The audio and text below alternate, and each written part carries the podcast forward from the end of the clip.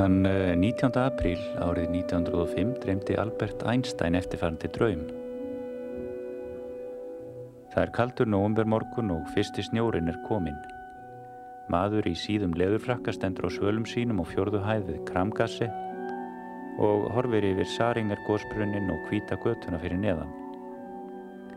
Í austri getur hann séð mjóa törnspýru domkirkju heilags Vincents, í vestri búa dreigið þakkið á Tsítlorkastúrm. En maðurinn horfir korki til austusni vestus. Hann starir niður á rauðan hatt sem hefur verið skilin eftir í snjónum fyrir neðan og hann er að hugsa. Ætti hann að fara heim til konunar í Fríburg. Hendur hans grípum málmhandriðið, sleppa, grípum aftur. Ætti hann að heimsækja hana? Ætti hann að heimsækja hana?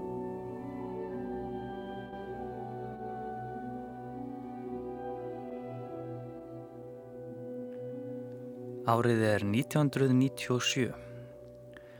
Í útvarstættunum Viðsjá er lesið úr nýri íslenskri þýðingu bókarinnar Draumar Einsteins, skaldsugu eftir Alan Lightman, eðlisfræðing og rittvönd. Í bókinni segir frá Albert Einstein og draumum hans þegar hann vann á engaleifa skrifstofu í Sviss í upphafi 20. aldarinnar og undirbjó byrtingu hinnar takmörkuðu afstæðiskenningar sinnar sem leitt dagsins ljós árið 1905 fyrir rétt rúmum 90 árum.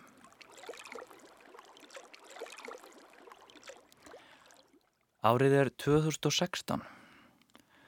Róttækustu kenningar eðlisfræðinar gera ráð fyrir að minnstu þættir efnisinn séu ekki örindir og agnir, heldur agnarsmáir strengir sem tifa í ótalvítum handan tíma og rúms.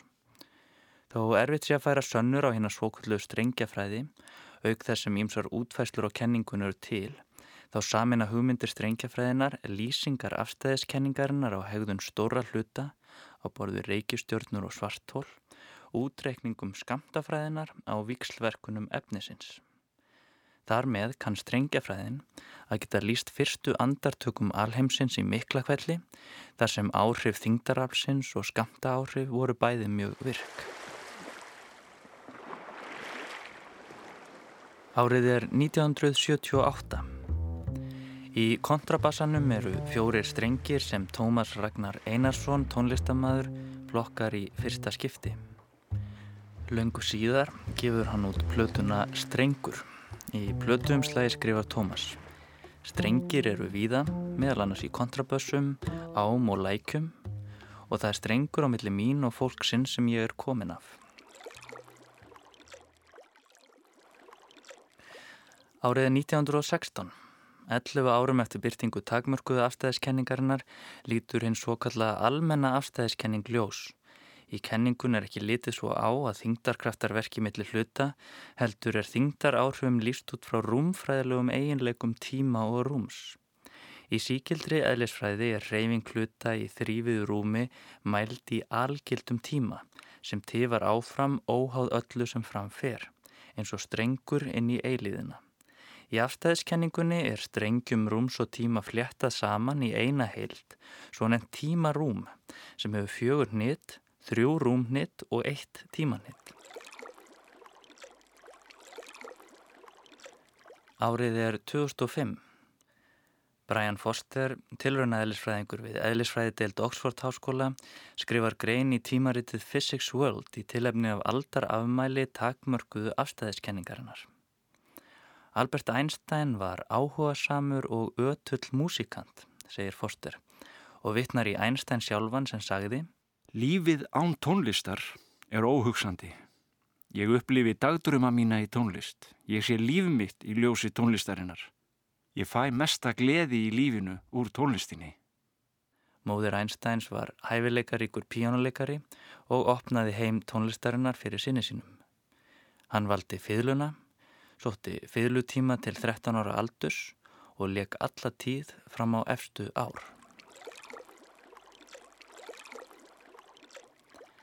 Árið er 2016. Á fyrirlunni á verkstæði Hans Óttars Jóhanssonar eru fjórir strengir rétt eins og á kontrabassanum.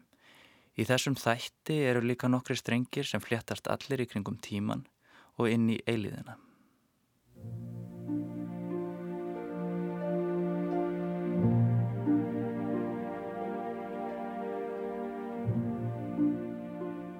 Hann afræður að hitta hann ekki aftur. Hún er ráðurík og dómhörð og myndi gera hann lífið óbærilegt.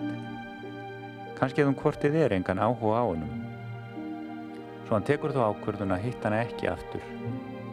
Þessi stað heldur hann sig í félagskap Karla, hann leggur hartað sér í vinnunni í livjagerðinni og tekur varl eftir konunni sem er vara framkvæmdastjóri.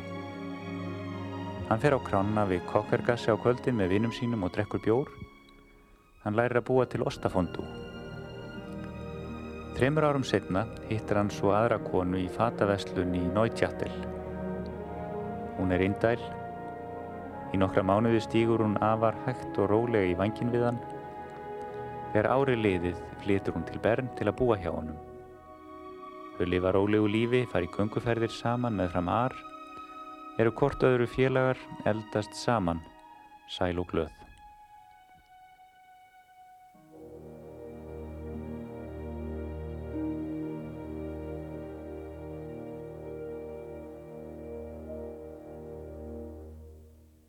Ég heiti Lárus Tólasíus, ég er professor í eðlisfræði við Háskóla Íslands.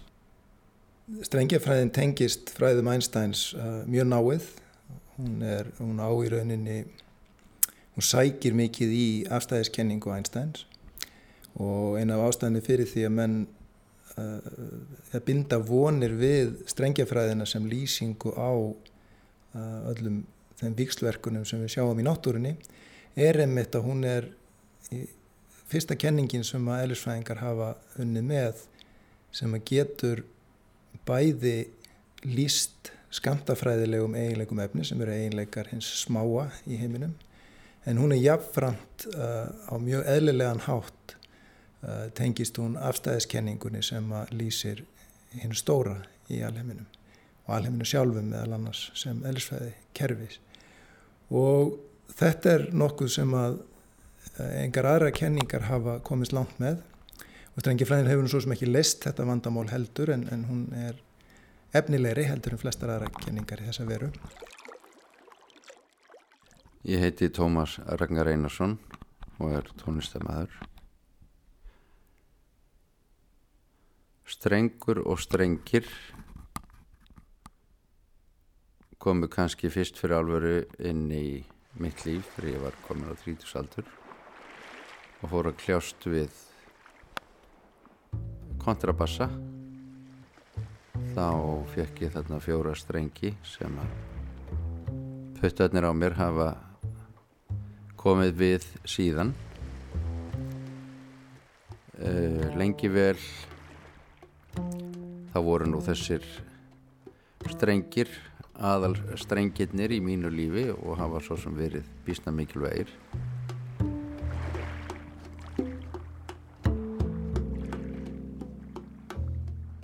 Elsa, önnur eiginkona Alberts Einstein, sagði eitt sinn.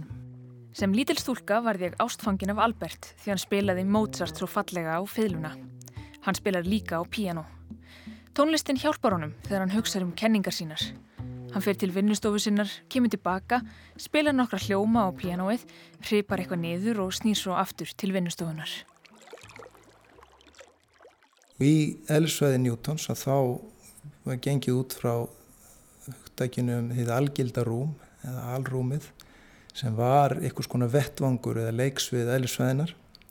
Þetta hugmyndin er svo að þannig er þetta rúm sem hefur sínar þrjár vitir er til staðar og allt efni, hvort sem það eru stjörnur eða, eða plánetur eða, eða fólk eða, eða hvað það er eða hlutir að renna niður skáborð sem að, kannski það sem fólk sér í eðlisvæði kjænslunni að þeir eru allir á hreyfingu í þessu algildarúmi.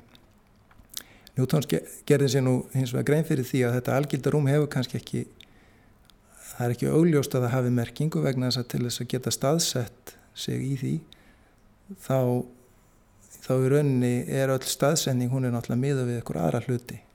Þannig að, að rúmið sem slíkt, þetta undirlikjandi algildarúm, það var hendugt að hafa í kenningunni en það var hins vegar alveg ljóst að það var ekki hægt að framkvæma neina mælingar sem getur staðsett okkur í því.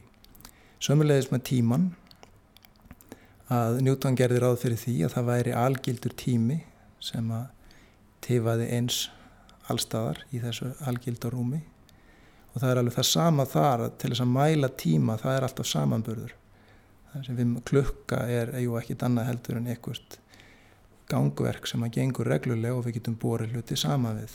Það er ekki til í rauninni einn algild tímamæling. Það er enga síður hendugt að hafa þennan algilda tíma sem er eins allstaðar í algildarúminu og, og, og, og tifar jafn hratt fyrir alla aðtöðendur alla sem að hvar sem þeir eru stattir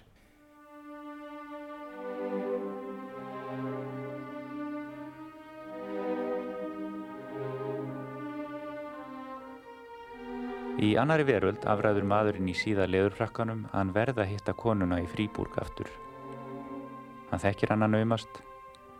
Hugsanlega er hún ráðurík og reyfingarinnar gætu bent til kviklindis. En hún verður svo mild í framann þegar hún brosir og svo hlæir hún fallega og er nýttin í svörum. Já, hann verður að hitta hann aftur.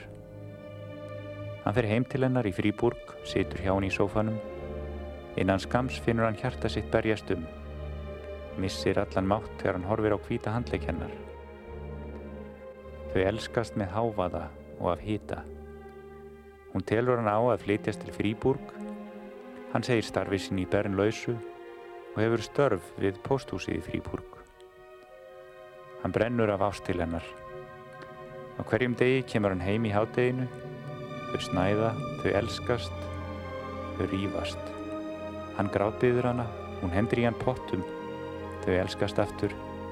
Hann fyrir aftur á posthúsið. Hún hótar að fara frá honum, en hún fer ekki frá honum. Hann lifir fyrir hana og hann er sæl í kvölsinni.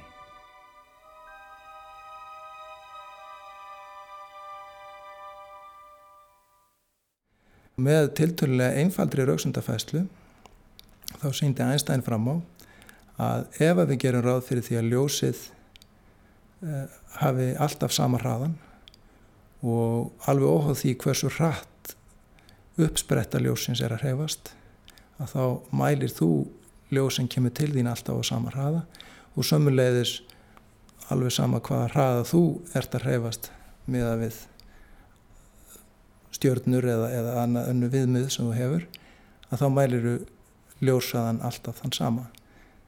Þetta var í samræmi við niðurstöðu tilhörna sem hafðu verið gerðar skammu áður.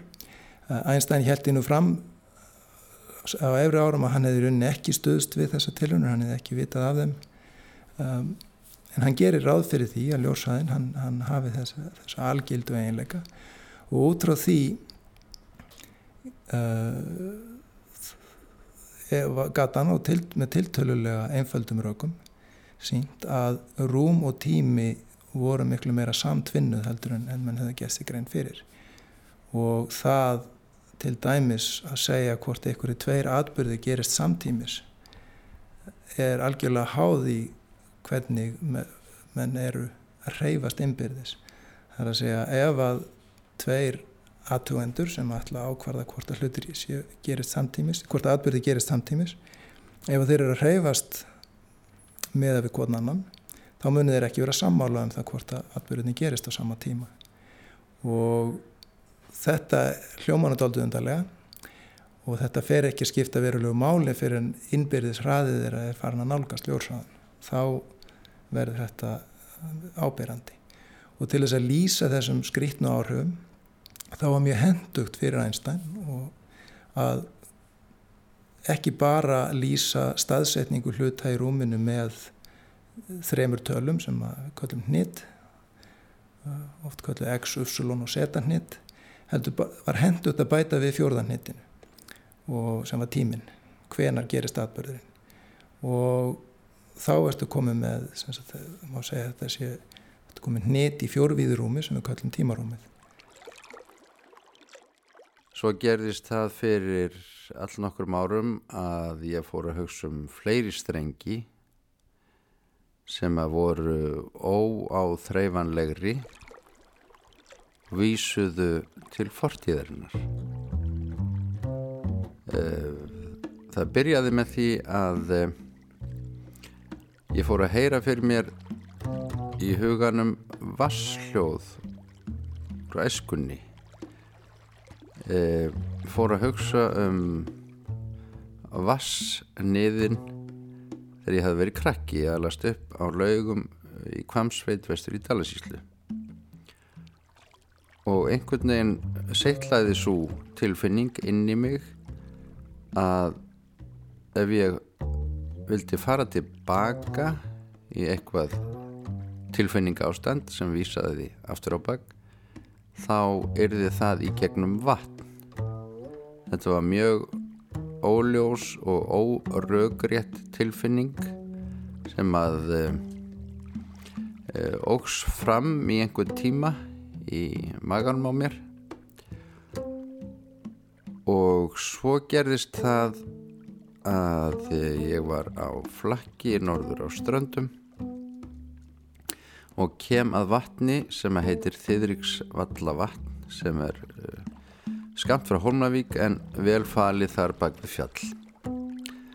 Uh, þá var ég búin að komast að því að amma mín hafði fæðst þarna við Þiðriksvalla vatn 1888 og uh, þess vegna var ég að kíkja á þetta fyrirbæri. Hafði komið þarna áður en þá ekki haft hugmyndum tenginguna sem ég rauninni hafði við þetta sveiði og uh, það var svo fallegt þarna og hljómurinn í vassgullinu var svo fallegur að þá sló þessari hugmynd niður í höfuð á mér að það geti verið frábærlega gaman að spila eitthvað á bassastrengina við þessi vassljóð rauninni spila á móti þessum vasshljóðum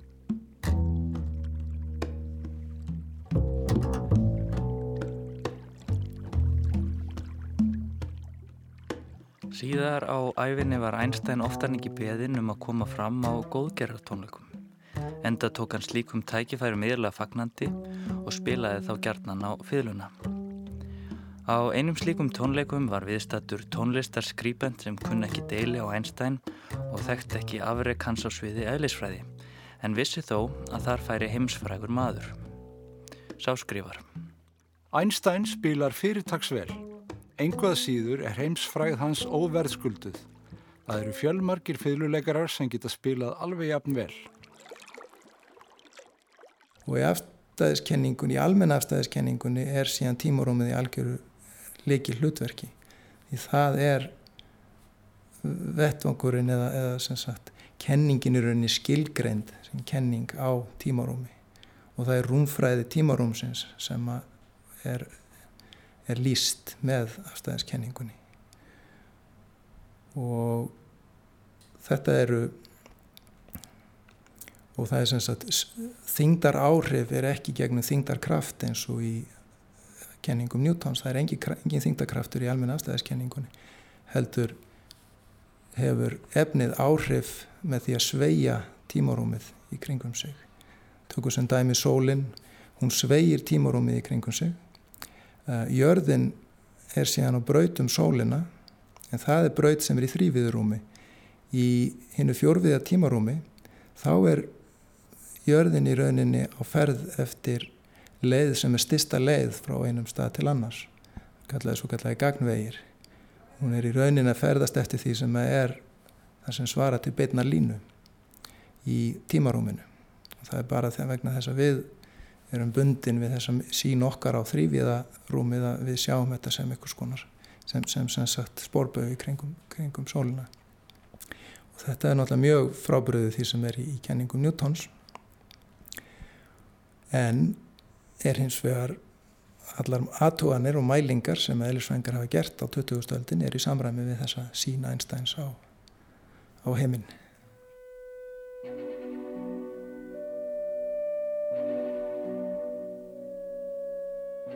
Í þriðju veröld afræður hann einnig að hann verða hitt hann aftur. Hann þekkir hann að naumast. Hugsanlega er hún ráður í hvort heifingar hennar gætu bent til kviklindis en hún verður svo mild í framann þegar hún brosir og svo hlæður hún fallega og er nittin í svörum. Já, hann verður að hitta hann aftur. Hann fyrir heim til hennar í Fríburg, hittir hann við dyrtnar, drekkur með henni te við eldursporðið. Þau tala um vinnu hennar í bókasafninu, starf hans í livjagerðinni. Að klukkustund liðinni segist hún verða að fara til að hjálpa vini sínum. Hún hveður hann, þau takast í hendur. Hann ferðast 30 km leið tilbaka til Bern, finnur til tómleika í lestinni, fyrir heim í íbúðina sína á fjörðuhæði kramkassi, stendur á svölunum og starir niður á lítinn rauðan hatt sem hefur verið skilin eftir í snjónum. Ég hef aldrei kynst þessari ömmum minni, hún fættist daginn sem, hún lést daginn sem að pappi minn fættist. Þegar hún var að skoppa þarna um 1892-34, nokkur ára gömul, lítill krakki á þeirriksvöllum, þá var umhverfið það sama og ég hafði fyrir augum þegar ég kem þarna og það voru sömur hljóðin í vatninu. Var þetta vaskull og ég hugsaði með mér það er það er ákveðin strengur bæði það og eins í, í fjörunni á Blöndósi þar sem mamma var krakki. Það er þessi sömur hljóð og þetta er eilífðar hljóð uh, sem verður ekkert meld í tíma. Þetta uh, vaskullið það er bara eitthvað sem að eins og ég upplifu það er eilíft. Og á einhvern máta uh, þegar ég og amma mín og mamma mín við heyrum þessi ég kem þarna aftur og ég heyri þessi sömur hljóð þá eigum við eitthvað sameinlegt gagmart eilífðinni. Það má prjóna það þannig. Og það var allt svo uh, það er þessi strengur uh, sem að náttúrulega er genetísku strengur millir mín og þessara formaðra og forfæðra og svo eru náttúrulega víða í í sérstaklega ám er, eru strengir sem kallaðir eru. Svona ströymurinn er hardari og svo eru strengir náttúrulega í kontrabassan ég bjóða til þessa músík með strengjum. Þannig að þetta var svona uh, í rauninni uh,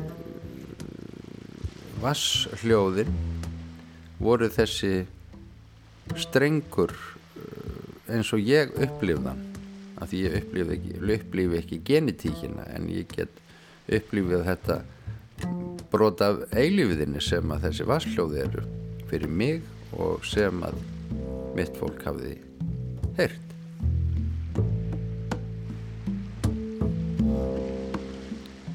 Það fór tvennum sögum af tónlistarhæfileikum Albert Einstein Sumir heimsþektir listamenn svo sem píjónuleikarin Artur Rubinstein, selvoleikarin Gregor Piatigorski og Bronislav Huberman, einn af fyrirlusnillingum 20. aldarinnar, letu misjöfn orð um fyrirluleik Einsteins falla. Ungverski læknirinn Janos Plesch, sem Einstein heimsóti gerðnan við Havelána þegar hann óskaði sér kyrðar, hitti ef til vill naglan á höfuðið þegar hann sagði um Einstein Það eru fjölmarkir tónlistarmenn sem hafa betri tækni en enginn að því tel spilar að jafn djúbri tilfinningu og næmi. Já, það er semst, þessi strengir sem við erum að tala um í, í, í strengjafennum, þeir eru um, í rauninni daldi skildir þeim strengjum sem við kannast betur við eins og feðlustrengjum eða, eða strengjunum í píanói að þetta eru já, einvíð fyrirbæri, þeir hafa lengd sem er einkennandi fyrir, fyrir strengin og þegar ef maður getur hefur greinigæði í sínum mælingu til að sjá að strengurinn hefur þessa lengd og er ekki bara punktur að þá kemur ljós að strengurinn hann hefur sveifluhætti alveg eins og fylgustrengur, hann hefur grunntóna og síðan eru yfirtónar. Markmið með heimsóknum líka eru þetta fyrst og fremst að, að fræðast um strengin. Mm -hmm. Þess að finna fysiska streng. Þennan fysiska strengs. Mm -hmm. Við erum stödd á verkstæði Hans Óttars Jóhanssonar fyrlusmiðs á Ingólstræti í Reykjavík. Það er strengunum sem við sjáum. Já. E, sko, fysiskur strengur er, ég meina, hann hann fylgir ákveðin náttúrulögmálum. Ef hann er það er að segja, ef hann er til dæmis uh, jafn, þykkur og þungur allstaðar á sinni lengt þá mun hann haga sér á ákveðin hátt. Við erum þetta umkringdir uh, hljóðfærum svona ýmsum stegum hérna er alveg hreitn bara eh, einhvern veginn nýheflaður viður líka lökkuð lökkuð selló. Ég er að spá sko, getur við, getur við tekið upp hljóðfæri og, og leitt mann að heyra kannski aðeins í strengnum og útskipt fyrir mig bara hvað er að gerast? Já. Þegar að, þegar að þú einhvern veginn plokka streng í raun og veru. Já, já, ég get bara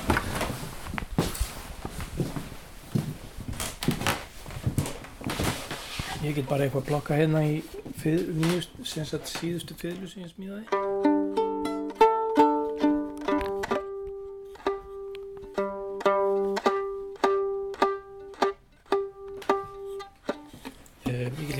strókja Já, sko ég, mér þetta er ósað gaman að fá að vita sko, hvernig virkar strengurinn? Af hverju breytist hljóðið á hann nú er, nú er hann opinn, þú ert ekki að halda hann einstöðar mm -hmm. og, og þá hljóma hann svona. Já, það er bara vegna þess að hann endarnir á hann eru fastir og uh, hann hefur ákveðin eðlismassa, þar að segja sko, þyngd með á, á hverjum á ein, ein, einhverju einingu, þar að segja lengdini og svo lengd, hefur hann ákveðina lengd og það er, það ákvarðar hérna tíðnina eða tónhæðina. Svo náttúrulega þú heyrir aðalega grunntónin sem er tónin okkar sko. Þetta er þetta G hérna. En í þessum tón eru ótal yfirtónar. Og þú heyrir þá alla samtímis.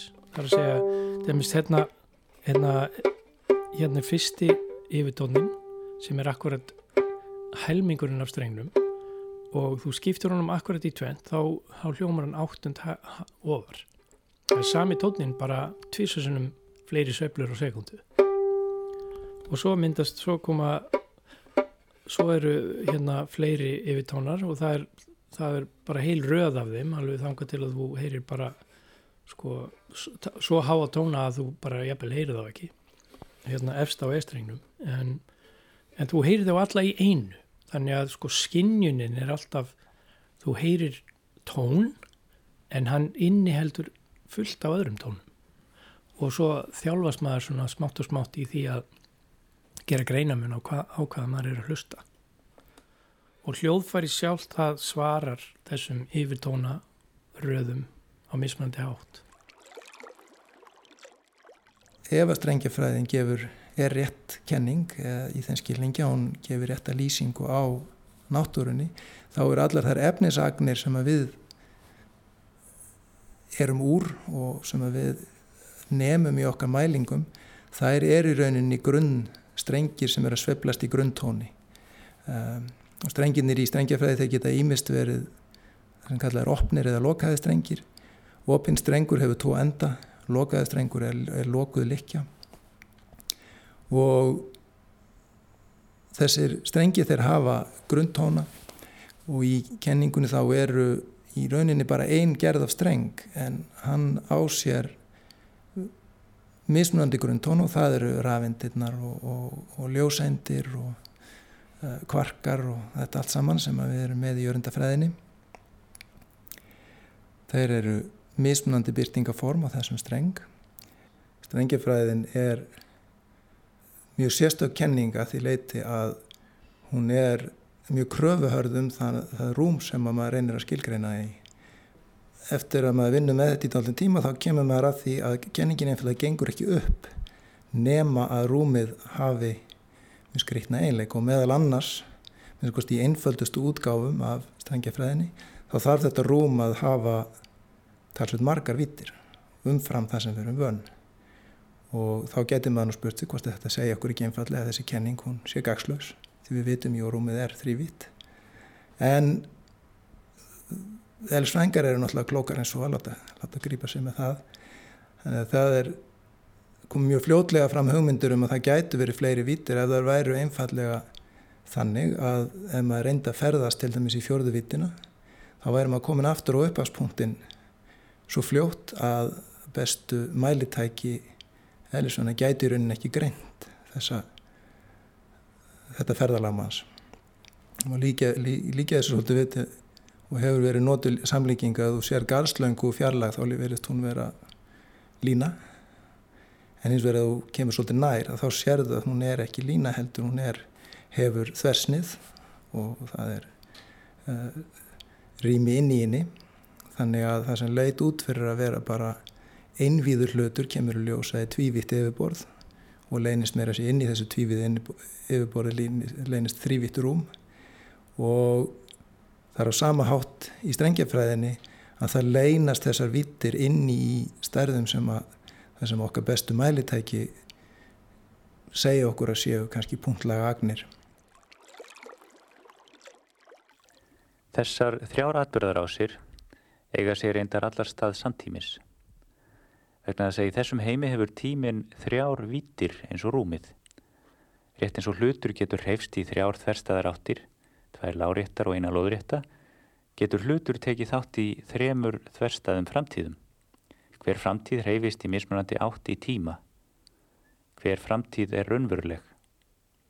Á hverju stund þegar ákverðun er tekinn, hvort heimsækja skuli konu í fríbúrk eða kaupa nýjan frakka, klopnar heimurinn í þrjá heima sem allir hafa geima sama fólkið en búa þessu fólki mismunandi örlug. Þegar framlýða stundir verða heimatnir óendanlega margir. Í annari veröld afræður maðurinn í síða leðurfrakkanum, hann ráður rík og dómhörnuna í fríbúrk og myndi gera hann lífið óbærilegt. Hann þekkir hann að naumast, kannski að hún hvortið er engan áhuga á ráðurík og reyfingarinnar gæti bettir kvikluna hitt hana ekki aftur. Í þriðju veröld, hún verður svo mild í þessi stað þegar hann sig í félagskap hlær hún fallega Hann þekkir hann að um sér í vinnunni í livjagerðinni. Hugsanlega er hún ráður í hefingarinnar gæti bentur kviklindis sem er vara framkvæmda sem verður þó mér í fríbúrk sem brosum í sófanuna við kollhæðum innan skams finnur hann hjarta sitt berjast örum. Hann lærir að búa til ostafondu þegar hann horfir á hvíta handleikjana. Hann verður að hitta hana. Fremur árum setna hittar hann svo aðra með háma í fríbúrk og hittar hann við dyrnar. Hún telur hann á að flytjast þær í við eldursporðið. Í nokkra mánuði stígur hún bernhafin vinnu hennar í bókasafnum störf við pósthúsi hans í ári liðið flytur hún til Bern hann brennur að klukkustund liðinni segist hún verða að fara að lifa rólegu lífi kemur hann heim í hátteginu hveður hann fram ar snæða. þau eru hvort öðru félagar en ferðast 70 km leið hann grátiður hann hún hendur í hann pottum til tómleika í lestinni. þau fyrir heim í íbúðina sína á fjörðuhæði kramkassi. Hún hóndar að fara frá honum og starir niður á lítinn rauðan hann lifir fyrir hana sem hefur verið skilin eftir í snjónum í kvölsinni. Já, eins og komum að áðana þá eru svona vangaveltur í gangi. Ég vil ekki kalla það kenningu heldur meira tilgáttu að tímarúmið og þar með vegna þess að í afstæðiskenningunni þá lýsu við þingdar áhrifum í gegnum rúmfræði tímarúmsins. Að ef þetta tímarúm er í rauninni bara einhvers konar nálgun svona hugtak sem er góð nálgun við einhver, allt önnur ferli sem er í gangi í þegar það er að segja ef að grundvalla lýsingin er einhvers konar reyfikerfi sem að um, er ekki tímarúm sem slíkt heldur einhverjum hefur eiginleika sem við myndum síðan tólka út frá samfelldu tímarúmi uh, einhver staðar svona í, í framhaldi af því að, að setja fram og, og skilja þessa uh, grundvallar eða undirstöðukenningu.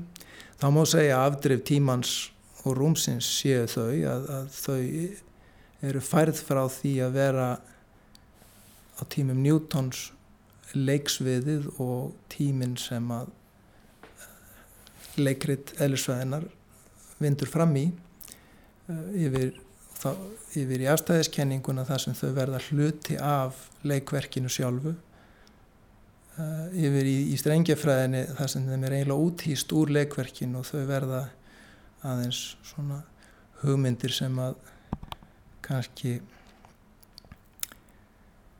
eru gaglegar og nöðsynlega náttúrulega til að lýsa þessum daglegu eðlisfræði sem við erum með í dag. Þannig að ég ætlum ekki að halda því fram að við séum að fara að leggja tíma og rúma á hillunan eitt á í, í bráð. En það er eins og svona grundvallar hugmyndin er þá svo að þetta eru hugtök sem að í rauninni eiga, er, það er ekki tími og rúm sem að eru réttu orðin að nota yfir það ástand sem að alheimurum var í upphef og, meðan ekki gleyma því heldur að, að mikli kvellur þessar hamfærir sem að heimurinn eins og við þekkjum hann í dag spretta úr, hann átti sér stað fyrir um, ekstra á milli 13 og 14 miljardum ára uh, og það hefur svo sem lengi leiði fyrir í almenna afstæðiskenninguna það er hugsanlega hefur enga merking að spyrja hvað var þar áður. Þessi almenna afstæðiskenningunni er tímarúmið það á sér upphaf þarna.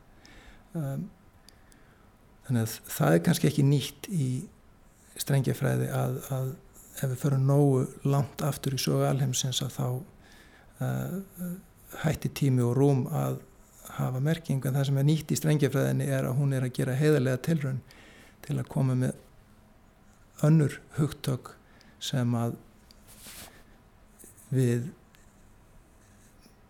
vonumst til að geta unni með á þann hátt að það verði hægt að tólka niðurstöðuna sem upphaf tímans og upphaf rúmsins í mikla kvelli.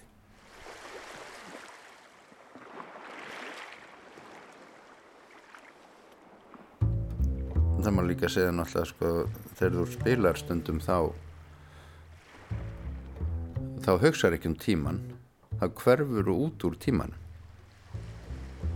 það er, það er mín upplifun oftar, ekki, oftar en ekki að maður hverfur inn í músík sem bara þegar maður er að æfa sig einn á hljóðfæri sitt og eitthvað að leika sér eða, eða spila eitthvað sem maður kann fyrir eða prjóna eitthvað svona að hætti djasmanna þá þá hættir tímin að vera til.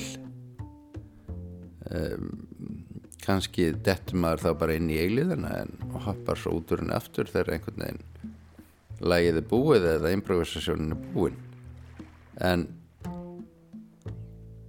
þetta er sterkari tilfinning eh, ef við erum að tala um listir heldur en til að mynda ef maður horfir á eitthvað í myndlist eða les einhverjar góðar bækur sem er að vísum að getur sokkið tölverst og ný en sterkasta tilfinningin fyrir mína parta það er þetta einhvern veginn segjum að sitja við piano og vera að búa eitthvað til uh, vera að semja eitthvað eða leika sér á kontrabassa einn með sjálfum sér þá hverfur tíminn fyrir mér þá er ég einhvern veginn uh, algjörlega í eigin veröld og,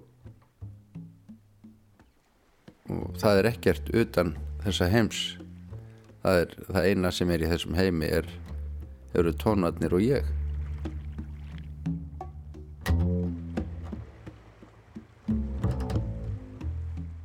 Lífið án tónlistar er óhugsandi. Ég upplifi dagduruma mína í tónlist. Ég sé líf mitt í ljósi tónlistarinnar. Ég fæ mesta gleði í lífinu úr tónlistinni. Saði Albert Einstein sem á gamals aldri lagði fiðluna á hilluna þegar hendurnar fóru að klata getur sinni. Einstein dáði fiðluna þó alla tíð eins og hann sagði sjálfur. Ég veit að mesta gleði mín í lífinu hefur komið til mín frá fiðlunni.